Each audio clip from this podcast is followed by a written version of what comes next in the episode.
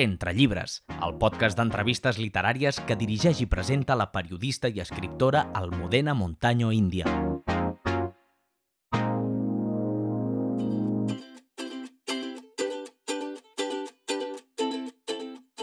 Molt bones, lectors i oients d'Entre Llibres.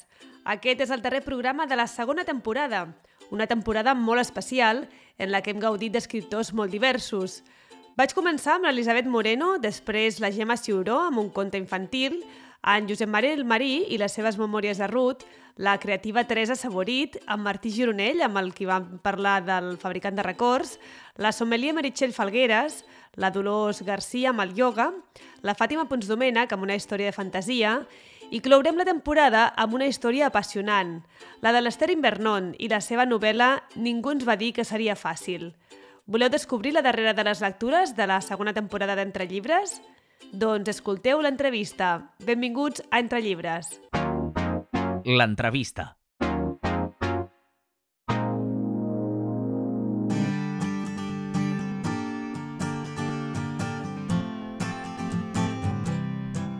L'Ester Invernon és de Mataró. Ningú ens va dir que seria fàcil és la tercera novel·la que publica. Ella ve del món del tèxtil, però des de l'any 2020 ha fet un salt a l'escriptura i no para de publicar.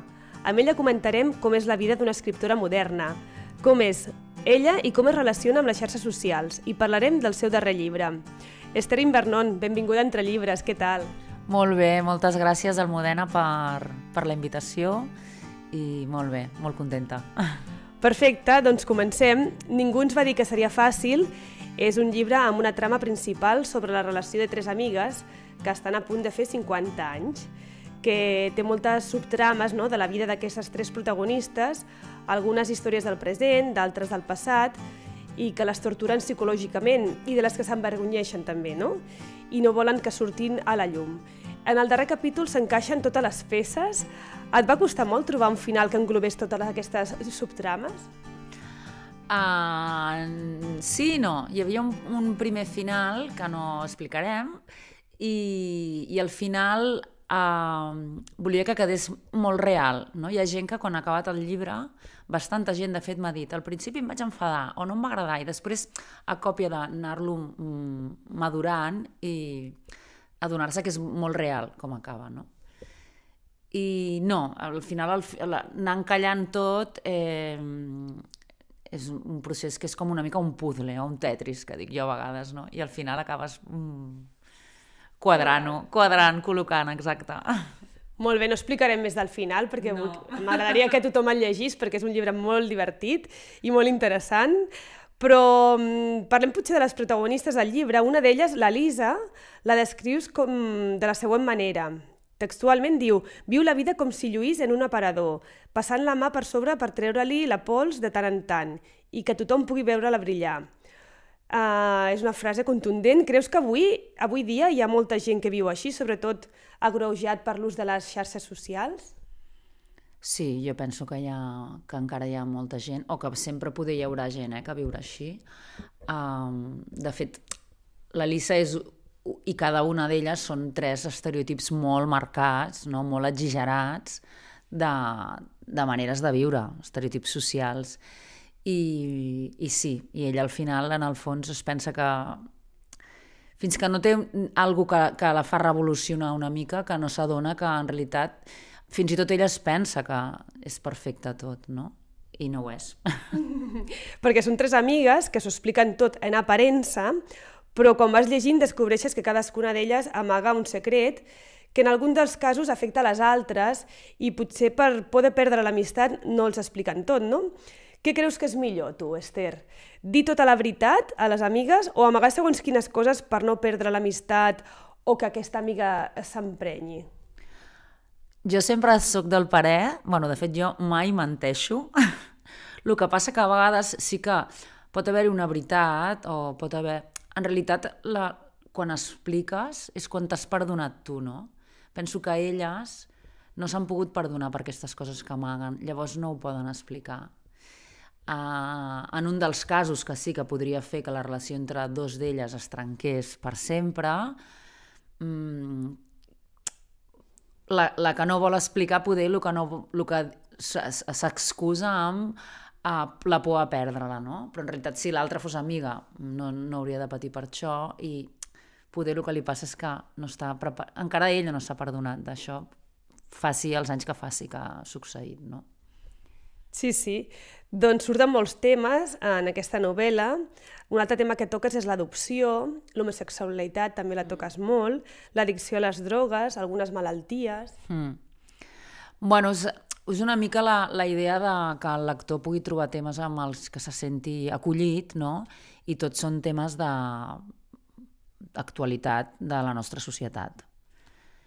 I al final el, una mica els temes més femenins, no més de dones, perquè la novel·la és de tres dones de 50 anys, la menopausa no? és, és un, un tema que hem, hem... Això ja ha sigut també una, una, un suggeriment de l'editorial, no? aprofundir una mica més aquí, uh, i és un, és un tema de, de fons, vull dir, no, no és, no és l'amistat el que és el tema principal, però perquè realment uh, és com molt tabú encara això, no, no, no es parla de, de com ens afecta, no? I és, és, és clar, bon, com tots els cicles hormonals, uh, jo dic que les hormones manen al món. Sí, també fa gràcia perquè entre elles es donen consells, no?, per la menopausa, mm. i que sembla que estiguis donant consells a la resta de, de dones, no?, que estan patint, no? Ah. Mira, escolteu, si us passa aquesta... També com eh, parles molt del ioga, que, sí. que els beneficis que té, no? Mm. També és com ajud, un llibre d'autoajuda, eh? sense voler ser-ho. Sí, té un, un, un rerefons de, així, no? Perquè la la protagonista, una de les tres que tria... O sigui, al final amb la menopausa cada una tria una manera de fer-ho, no? Hi ha una que no fa res i s'aguanta doncs, els sufocus i, i les històries.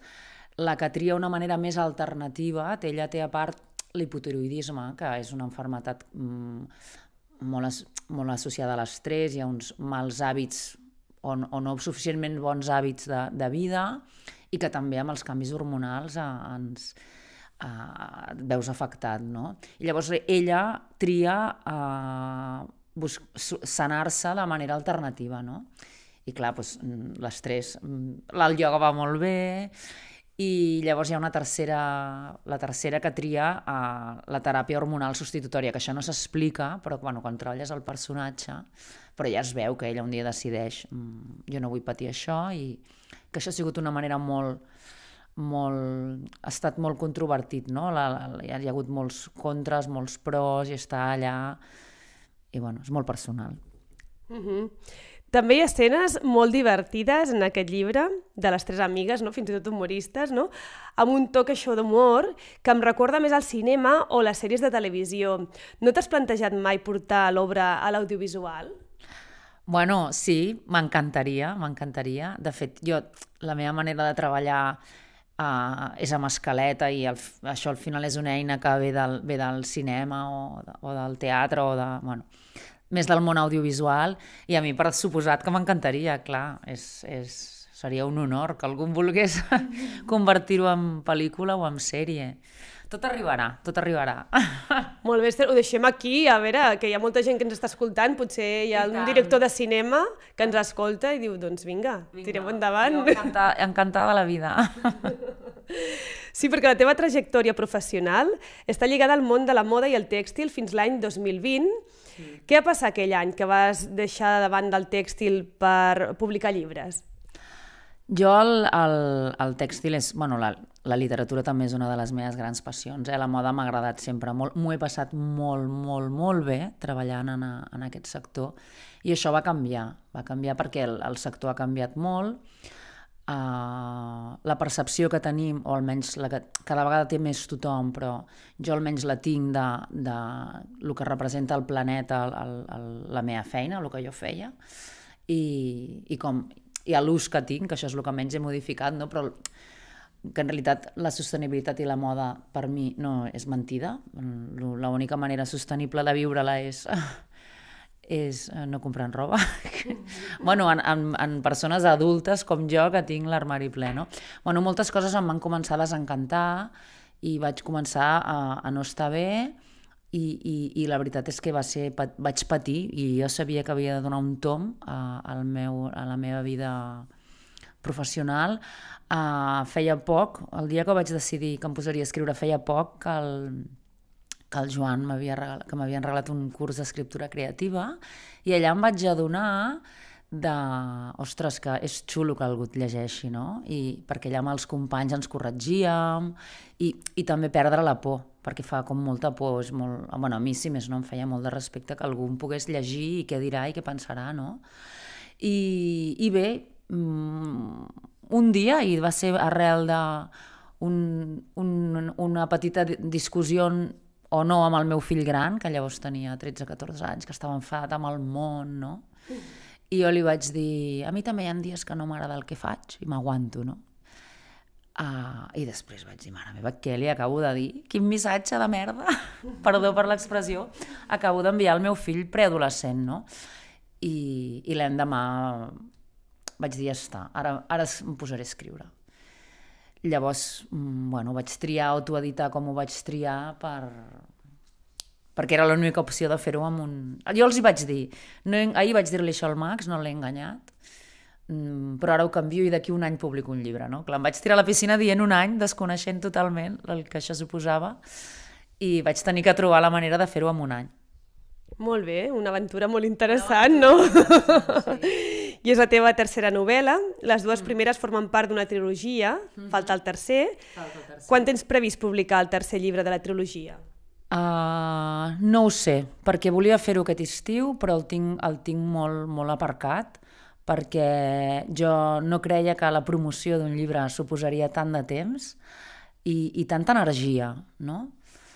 I, i després no, no em queda temps per, per escriure el temps de qualitat que almenys per mi això requereix, no? que és poder-me tancar unes hores, no, no. Mm. I li he donat moltes voltes, li he donat moltes voltes, i ara tinc la meitat escrit. Vull dir, bueno, la meitat, la meitat a nivell, quan calculem paraules, que les meves novel·les tenen unes 60 i pico mil, doncs en tinc 30.000 escrites i l'altre dia vaig dir, no, li haig de donar una volta molt gran i ara vull, no sé, a veure, quan s'acabin les festes, posar-me amb això molt en sèrio, però l'estiu no estarà, impossible. Perquè això que deies de la promoció, que et dona més feina? Escriure el llibre o promocionar-lo? Són feines molt diferents, uh, molt gratificants totes dues i la promoció, clar, és com, és com que a més és una molt interior, molt d'estar amb tu, uh, molt les pors, um, però són, és com una cosa molt que, que, que és molt, no deixa de ser molt sanador, perquè de, de tots els personatges aprens coses, molt enriquidor, doncs molt d'estàs a casa, pots, saps? Podries no veure ningú i anar fent feina allò, i el dia que es publica ja és com, buah, ara estàs totalment exposat, no? I fa molt de respecte. I llavors pues, és trucar aquí, trucar allà, no? L'editorial t'ajuda, però al final el, el que ven el llibre és l'autor. Sí, avui en dia jo penso... Bueno, segurament sempre ha sigut així, no? Tens que estar allà i és molta feina, molta feina. Ah, sí, sí, sí. Doncs mira, anem a fer més feina, perquè els oients sàpiguen com escrius. Vaig a llegir dramatitzat un fragment del teu llibre. Ningú ens va dir que seria fàcil. A veure què opinen els oients. La veu del llibre.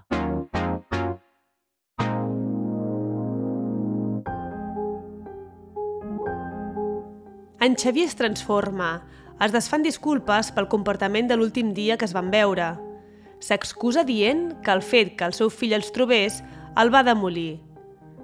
Li parla del seu passat, de com mai ha pogut acceptar la persona que és, de com sempre, fins que l'ha conegut a ell, ha pogut portar una doble vida que defineix com a adequada. Relacions esporàdiques de sexe i prou, per desfogar-se. Va construir un personatge en qui es converteix quan no està amb la seva família, que cada cop és més sovint, un que és tot el que odia d'ell però que necessita. Va començar com un joc i de jove es prometia cada vegada que seria la darrera. Li diu, una vegada més, que d'ell n'està enamorat i que ha perdut el control de tot. Li parla de la Lisa i dels seus fills. Estima la seva dona i quan es van conèixer va arribar a creure que podria obviar el seu altre ésser. Sempre han estat molt bons amics i fins i tot va haver-hi una època que el sexe entre ells els satisfeia. No va casar-se amb ella pensant que les coses acabarien així. De la Lisa va arribar a esperar que fos capaç de curar-lo del seu mal i la considera el millor amic que ha tingut mai. Novetats literàries. Esther, quin llibre ens recomanes? Jo us recomano mm, L'aterratge de la, de la Eva Piqué, una autora que m'ha sorprès molt, l'he descobert per relativament poc i m'ha agradat moltíssim.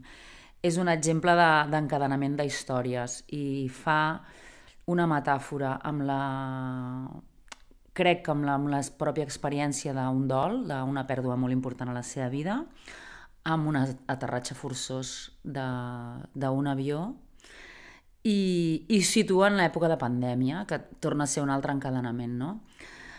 A mi m'ha semblat uh, que no li falta ni li sobra ni una coma ni un accent, m'ha semblat exquisit. Hi ha un, un treball molt, molt gran a darrere i m'ha suposat conèixer una, descobrir una, una autora de la Terra que, que estic molt, bueno, molt contenta. Us recomano aquest. Doncs vinga, recomanem aquest llibre de l'Eva Piqué, una gran periodista i escriptora.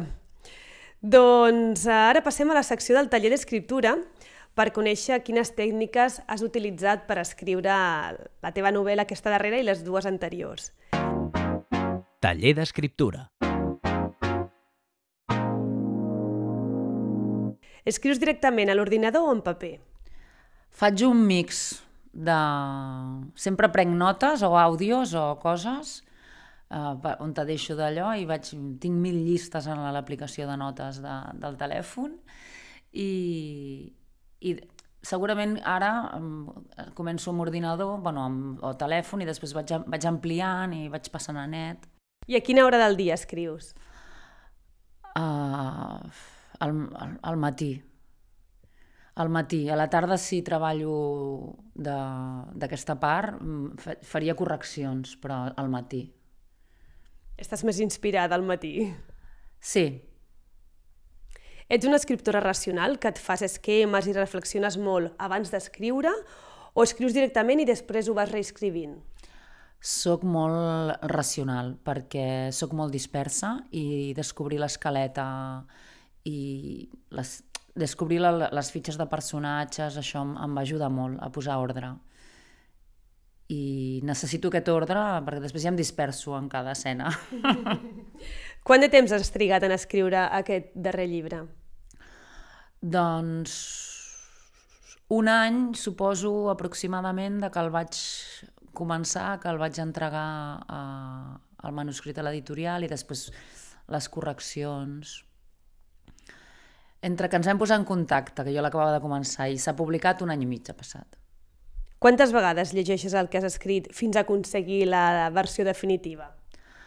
Moltes moltes correccions sobre que, que, que anoto, que deixo constància amb la data perquè m'agrada fer-ho així, de 15 a 20.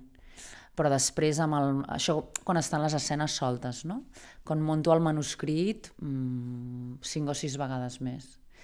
I quan ja està tancat, soc, soc incapaç d'enfrontar-me de, al paper publicat i dir, em fa molt de por perquè segur que trobaria jo penso que no, que no trobo mai el, el punt, no?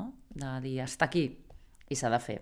Uh -huh. I qui llegeix els teus textos abans de publicar-los? A qui li dones el primer manuscrit, per exemple? uh, sempre els hi he donat a, a la Montse Moré, que és uh, una persona que jo vaig conèixer com a coach. Quan vaig decidir canviar la meva vida vaig dir necessitaria que algú m'ajudi sola, no? Em feia molt de respecte. Dic, vull fer un canvi, però necessito sobreviure a aquest canvi que no sé quant temps suposarà, no?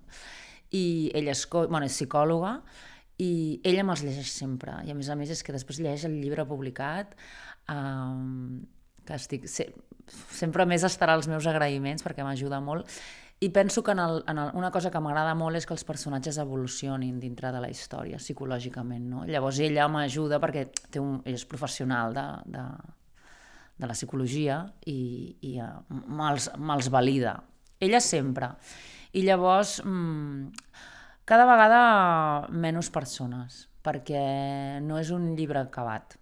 I segurament a partir d'ara només el llegirà ella, el manuscrit, o, o algú que sigui així com molt friqui, que després sàpigues que se'l llegirà, no? perquè m'he trobat que a vegades el dons a llegir i, i, i no està acabat i clar, aquella altra persona també et sap greu. No li pots tornar a demanar que es rellegeixi el llibre ja. En què t'has inspirat per crear l'argument de la teva novel·la? Uh, la, això va venir a, acabada de, de, de, havia acabat la segona, la segona novel·la i que és una continuació de la primera, no? I necessitava canviar de personatges, necessitava perquè al final viuen amb, viuen, vivien amb mi, tot jo. Moltes coses que feia o pensava, pensava que faria, què faria la Marina, què faria... I llavors vaig decidir, coincidia amb que volia que es publiqués el 2023, que és l'any que jo he fet 50 anys, i va venir una mica d'aquí, tres dones molt diferents. La meva intenció inicial era que fos una cosa molt més divertida del que, que ha acabat sent. Que sí que té punts d'humor, però, bueno, no... Ja, la propera ho serà més. Suposo que em costa. I els personatges són autobiogràfics o basats en algunes persones que tu coneixes? No, és, és, és, és ficció, però sí que hi ha un personatge que està basat bastant en, en una molt bona amiga meva, que li vaig demanar permís, evidentment, vull dir, uh, mai, mai faria, diria una paraula d'algú altre sense que estigués, vull dir, que ho sapigués, sense el consentiment. Uh, N'hi ha un altre que té un punt meu, que és, és la que jo m'hi assemblo més, i llavors n'hi ha una tercera mmm, que no, no està especialment basada en ningú, però penso que al final tothom coneix gent molt. Són tres estereotips, com he dit abans, una mica exagerats, però molts, molt del moment, no? Però és ficció. No és ni autoficció, eh? és ficció. On has après a escriure, Esther? Doncs no ho sé, uh, és una cosa que sempre he fet, sempre m'ha agradat molt. bueno, sí, sí que ho sé. A jo penso que l'escola més gran d'escriptors és llegir i, i jo sempre vaig amb llibres, sempre és un... Bueno, no em cansaria mai de llegir. A vegades et fan mal els ulls i ja... Però uh, és tan enriquidor, prenc tant que mm. pues, penso que és el primer lloc on aprens a escriure és llegint. També explicaves que havies anat a un curs, no? Que t'havien ah, regalat. Sí? sí, sí, sí. Sí, em van regalar, i no paro de fer cursos, eh? I clubs de lectura. Uh, penso que els clubs de lectura uh, també s'aprèn molt. I, bueno, et poses davant d'un llibre que poder tu no et compraries i el fa, et fa, bueno, llegir aquell llibre, comentar-lo, uh, i he fet vaig fer un curs d'escriptura, diversos cursos d'escriptura creativa, els vam començar abans de la pandèmia i després els vam continuar online, i aquí doncs, et corregeixen els companys, et corregeix el professor, sempre són escriptors, i, i ara n'estic fent un de tècniques literàries, i també sempre m'ha acompanyat uh, amb el meu procés un, un escriptor. Uh, vaig començar amb la Maria Escales, ara uh, en els altres i en aquest que estic, tinc a mitges m'està acompanyant també la, la Laura Gomara, que també és escriptora, i m'ajuda molt perquè em validen, no? Man, pues igual li, li envio, mm, ara ja anem al manuscrit definitiu, no? i ella ha vist el que tinc fins ara, ha vist l'escaleta, ha vist el primer, i, i ara ja anem al defin... bueno, definitiu no, però quan ja estigui tot redactat i, i al final és un aprenent, un aprenent... Som en classes particulars i, i, i aprenc molt d'elles. Molt bé.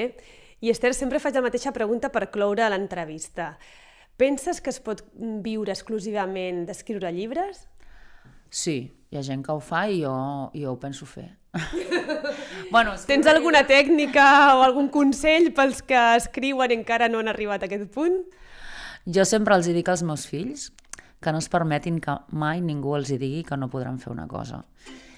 Evidentment has de treballar molt i, i, i creure, has, has de confiar en tu i barallar-te, fotre-li el patà del cul cada dia a la impostora que portem a dins 300 vegades si cal, però confiar i treballar. I el no, bueno, sempre estem a temps de, de que aparegui, no? doncs moltes gràcies, Esther. Eh, per aquesta entrevista tan divertida, per explicar-nos les teves tècniques literàries i també per obrir-te i explicar-nos també com ha sigut aquest procés no? de, del món del text i de l'escriptura, com et prepares els teus eh, llibres i estem impacients de la propera novel·la, a veure quan l'acabes i ens avises que la llegirem ràpidament. Pues moltes gràcies, ha estat un, un honor, un plaer i, i m'ho he passat molt bé. I mira, així també ens hem conegut en persona, o que sempre dic que darrere d'Instagram o de les xarxes socials hi ha persones de carns i ossos i això és, és m'agrada molt quan passa. Gràcies. Gràcies a tu per la teva simpatia. Gràcies, fins la propera, un petó. Recordeu que trobareu totes les entrevistes del podcast Entre Llibres a les principals plataformes de distribució, Spotify, iVoox, Apple Podcast, Google Podcast i Amazon Music. Si us ha agradat, compartiu-lo amb els vostres amics i feu comentaris a les plataformes. Ai, si voleu estar al dia sobre les activitats d'Entre Llibres i dels entrevistats, seguiu el compte d'Instagram Entre Llibres guió baix podcast. Una abraçada molt forta a tots, clourem aquesta temporada, però continuarem amb una nova l'any 2024. Llegiu molt, amics. Un petó molt fort. Adeu! Entre llibres, el podcast amb entrevistes als escriptors del moment en llengua catalana.